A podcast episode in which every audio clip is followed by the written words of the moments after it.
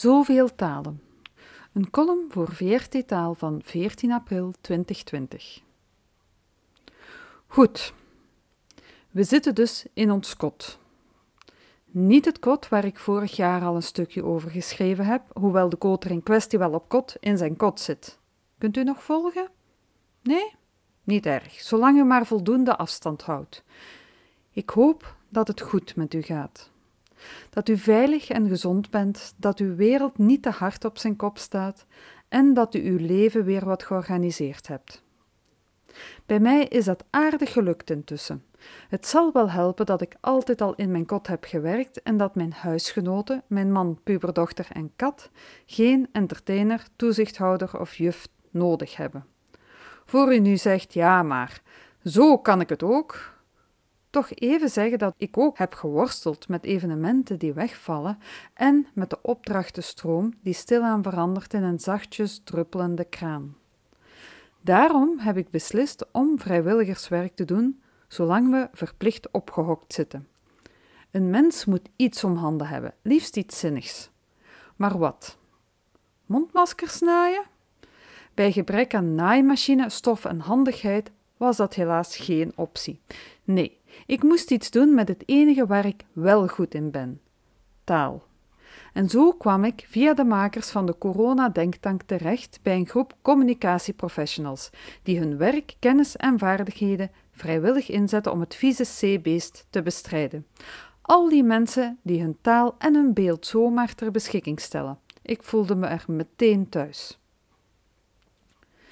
De eerste vraag kwam uit de Corona-denktank zelf. Ze wilden de website van de mondmaskers met patroon, handleiding en richtlijnen beschikbaar maken voor heel België. Er was dus een Franse en liefst ook een Engelse versie nodig. Kort daarna klopten de hulpverleners bij ons aan voor vertalingen, zodat ze aan anderstaligen alle maatregelen beter konden uitleggen. En dus staken we, virtueel en fysiek ieder in zijn eigen kot, de koppen bij elkaar. Om een lang verhaal kort te maken, met een vijftal vertalers pikken we dringende vertaalvragen rond het beestje op. Die verdelen we zo goed mogelijk onder vertalers die zich als vrijwilliger hebben aangemeld. En dankzij hen worden naast mondmaskers en mondkapjes nu ook masques bucco en face masks genaaid.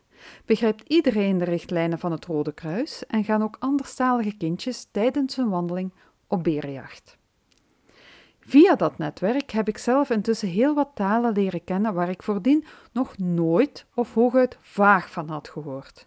Ik geef u graag wat weetjes mee, gratis, ter lering en de vermaak.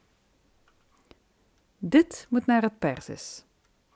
Oké, maar welk Persisch? Het Persisch van Iran of dat van Afghanistan? Die Perzische lijken wel wat op elkaar, maar je kunt ze niet zomaar uitwisselen. Heb je het over het Iraanse Perzisch, dan noem je het beter Farsi. Daarnaast bestaat ook Dari, het Perzisch van Afghanistan. Toen dat uitgeklaard was, vonden we al snel de vertaler Dari die we nodig hadden. We hebben een vertaling nodig naar het Romani, de taal van de Roma. Oei, dat was nog lastiger want Romani bestaat eigenlijk niet. Het is de overkoepelende naam voor een reeks talen die heel sterk beïnvloed zijn door de regio waar de Roma vandaan komen. Het Romani van Roma uit Slovenië klinkt bijgevolg heel anders dan de taal van Roma uit Roemenië.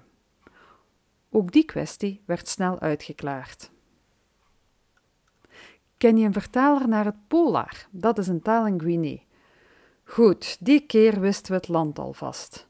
En toch was het niet voldoende, want polar als taal bestaat helemaal niet. Je hebt wel polar of polar, twee varianten van het Fula, een taal die inderdaad onder meer in Guinea wordt gesproken. Maar het gaat ook hier eerder over een groep talen, dialecten zo je wil, die soms sterk en soms amper op elkaar lijken. Toen een moedertaalspreker ons vertelde dat die talen ook bijna nooit worden geschreven, hebben de hulpverleners voor een andere strategie gekozen. Ha, dacht je dat dan geen enkele Afrikaanse taal geschreven wordt? Dat ze daarvoor Engels of Frans hebben?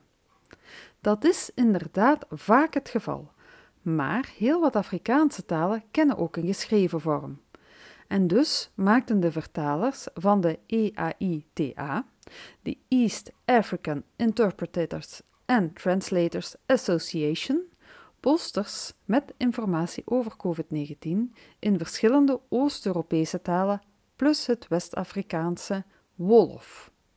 En zo leerde ik wat meer over de talen in de wereld, terwijl ik zelf probeerde noodzakelijke informatie naar die wereld te brengen.